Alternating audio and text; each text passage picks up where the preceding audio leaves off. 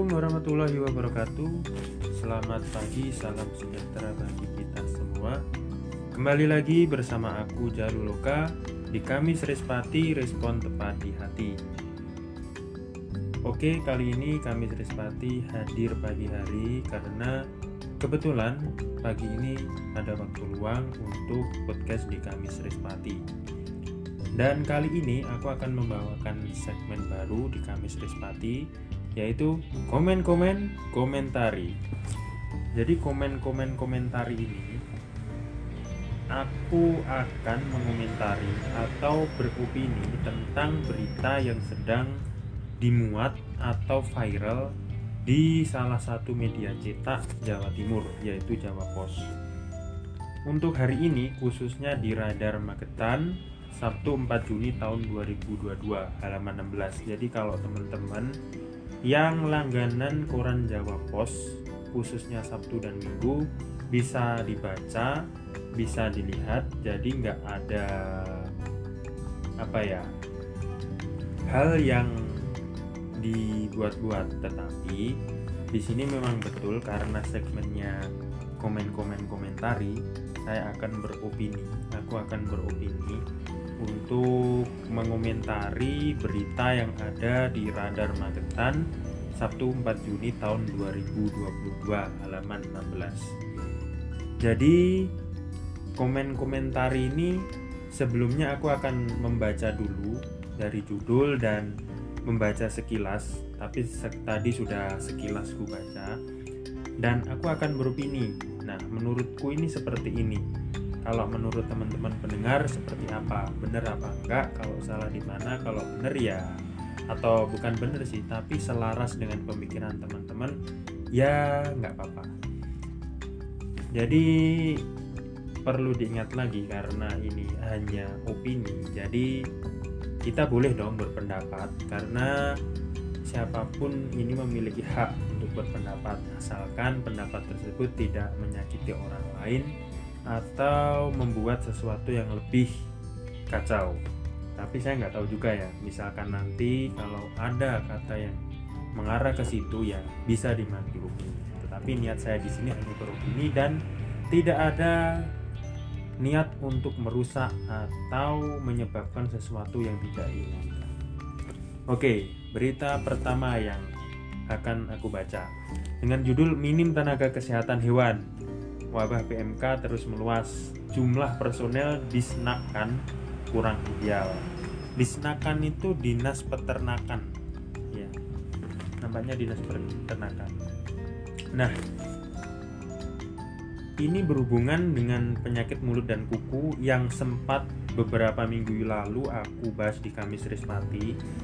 Jadi PMK ini ternyata udah meluas hingga seluruh Jawa Timur yang awalnya kemarin hanya di kota-kota tertentu atau kabupaten tertentu, sekarang di Radar Magetan sudah dimuat dan ini bisa dibilang udah valid ya karena ini Jawa Pos Radar Magetan.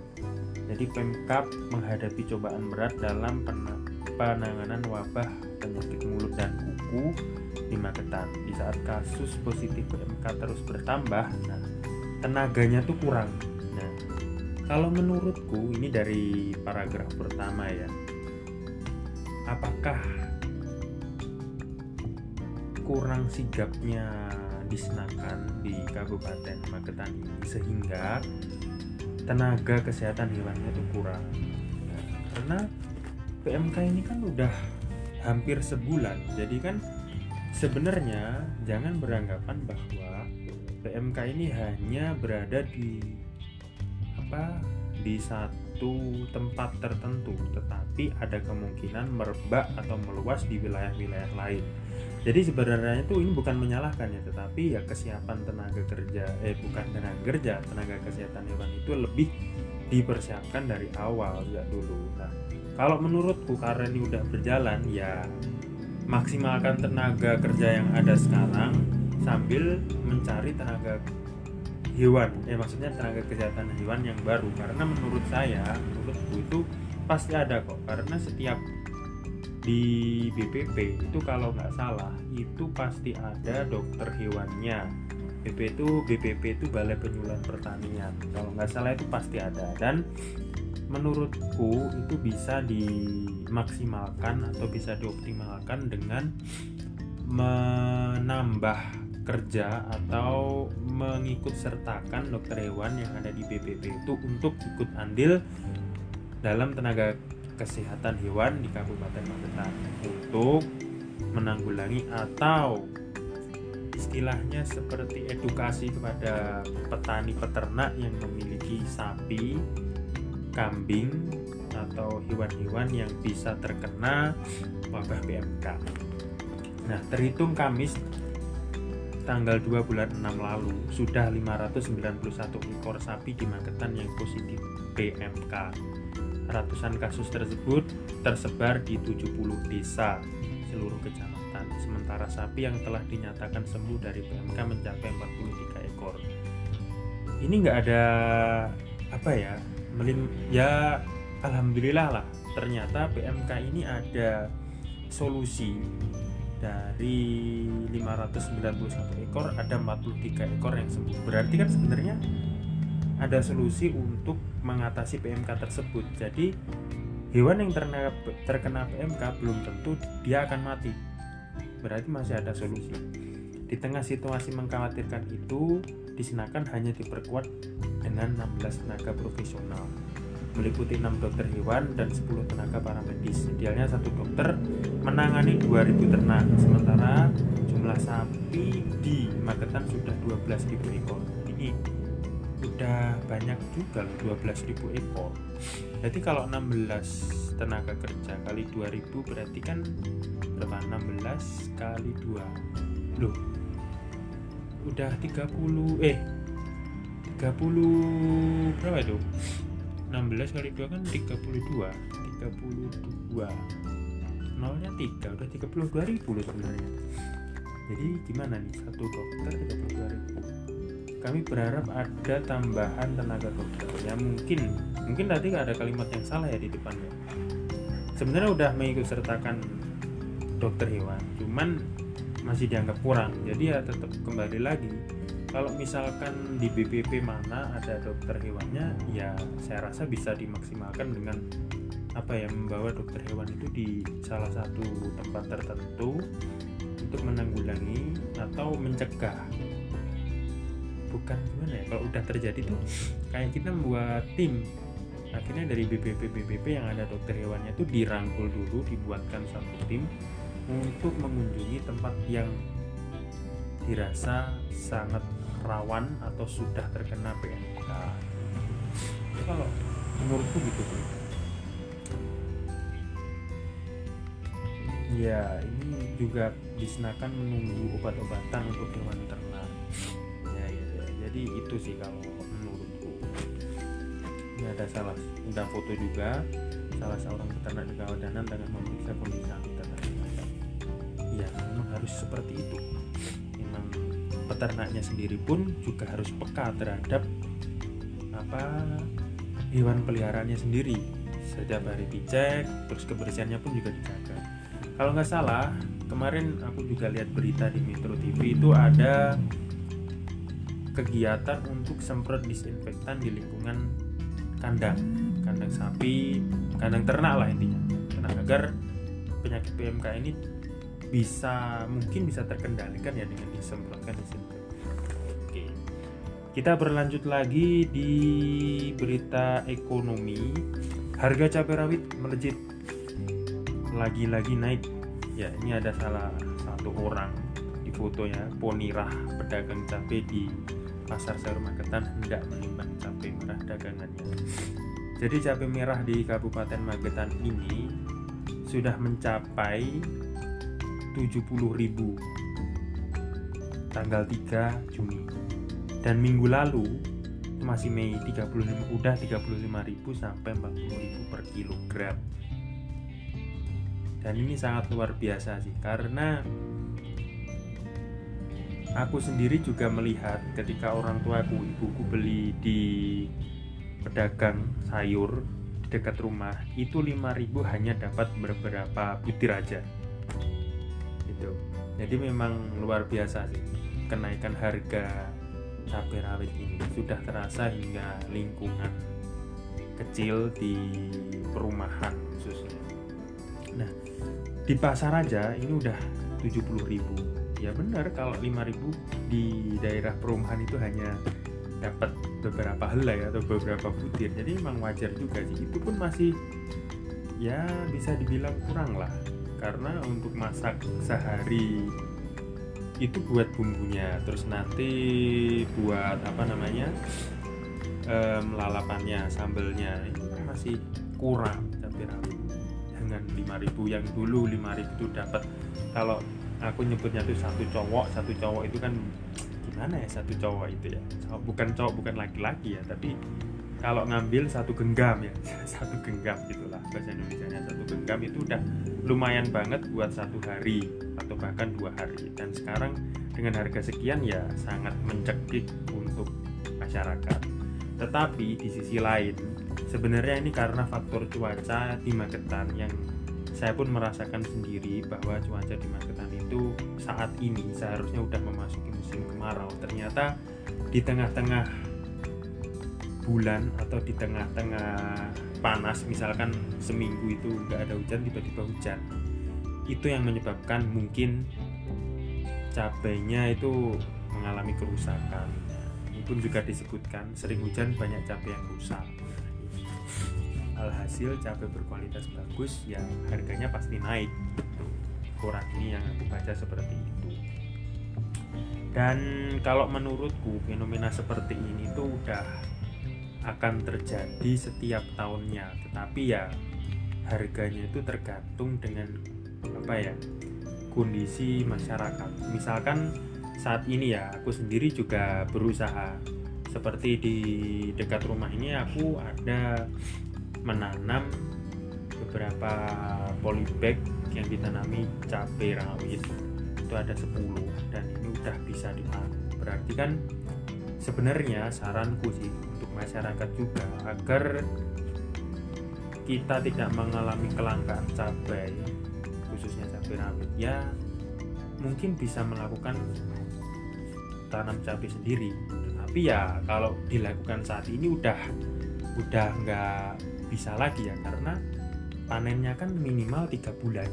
Sebenarnya ya seharusnya seharusnya sebelum sebelum itu udah menanam. Tapi ya kita tidak bisa memprediksi kalau cuacanya akan seperti ini. Kembali lagi ke cuaca tetapi ya tidak ada salah juga untuk saat ini melihat pengalaman-pengalaman kehilangan bukan kehilangan sih.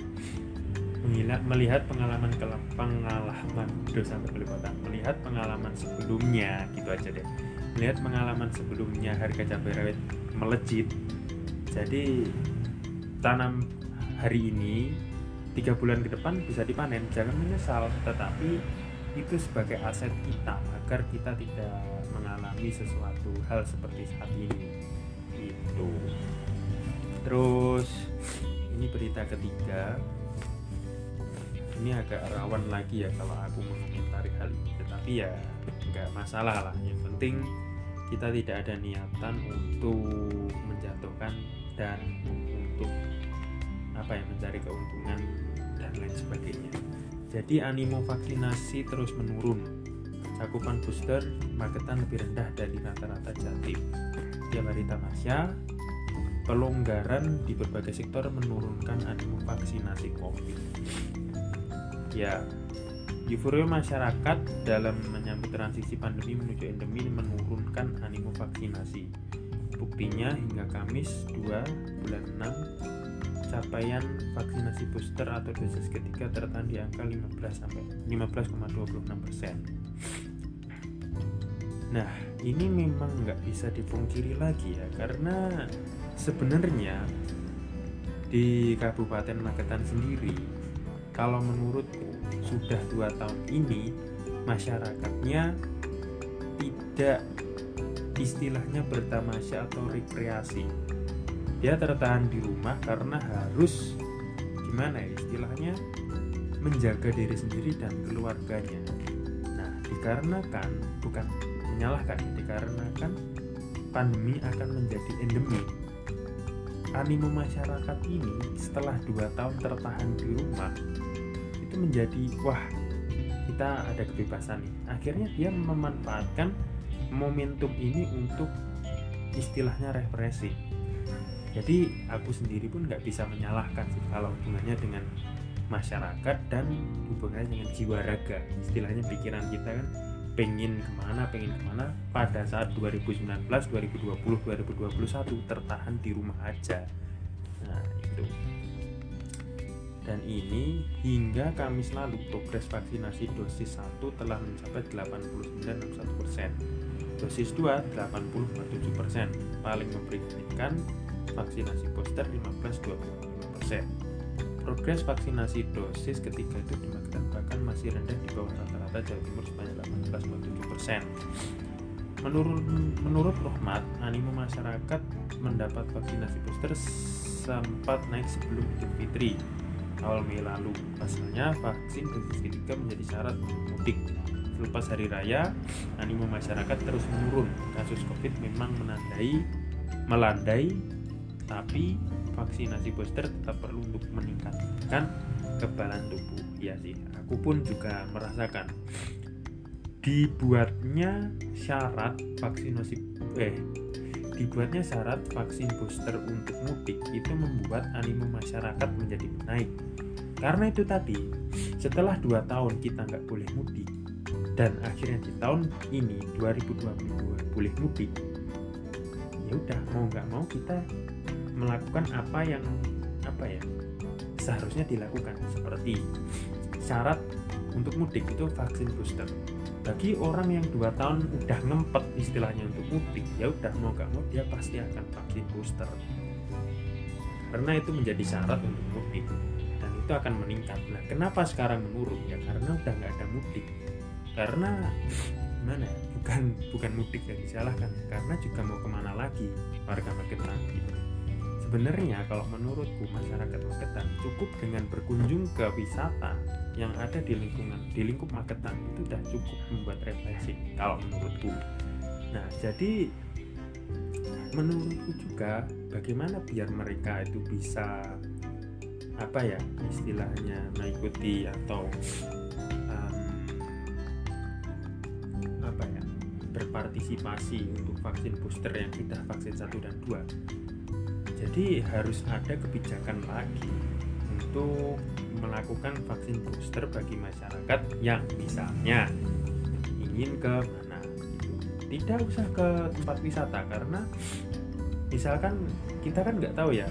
Misalkan tempat wisata itu kan juga memerlukan um, apa ya income pendapatan mereka yang bekerja di tempat wisata kan juga butuh income dengan masyarakat tidak boleh ke tempat wisata dan harus bersyarat booster itu juga menurutku kurang tepat. Sebenarnya malah di perbatasan ketika akan ke mana mau pergi ke mana itu diadakan vaksin booster di tempat.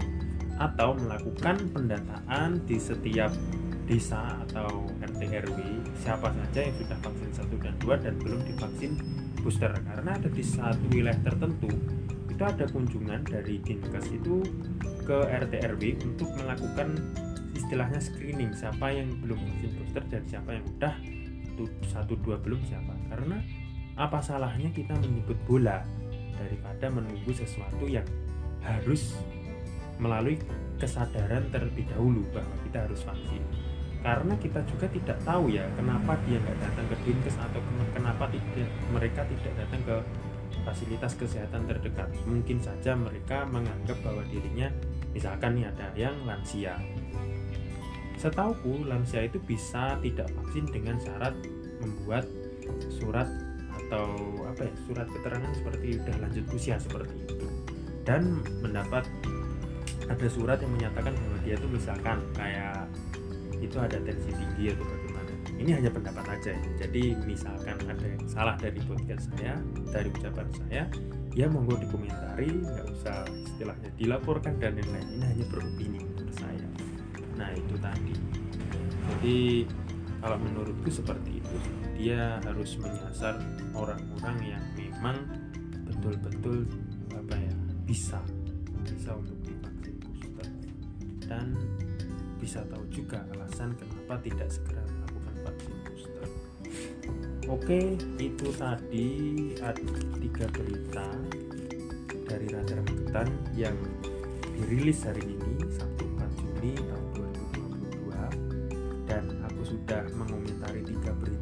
berita tadi serta beropini.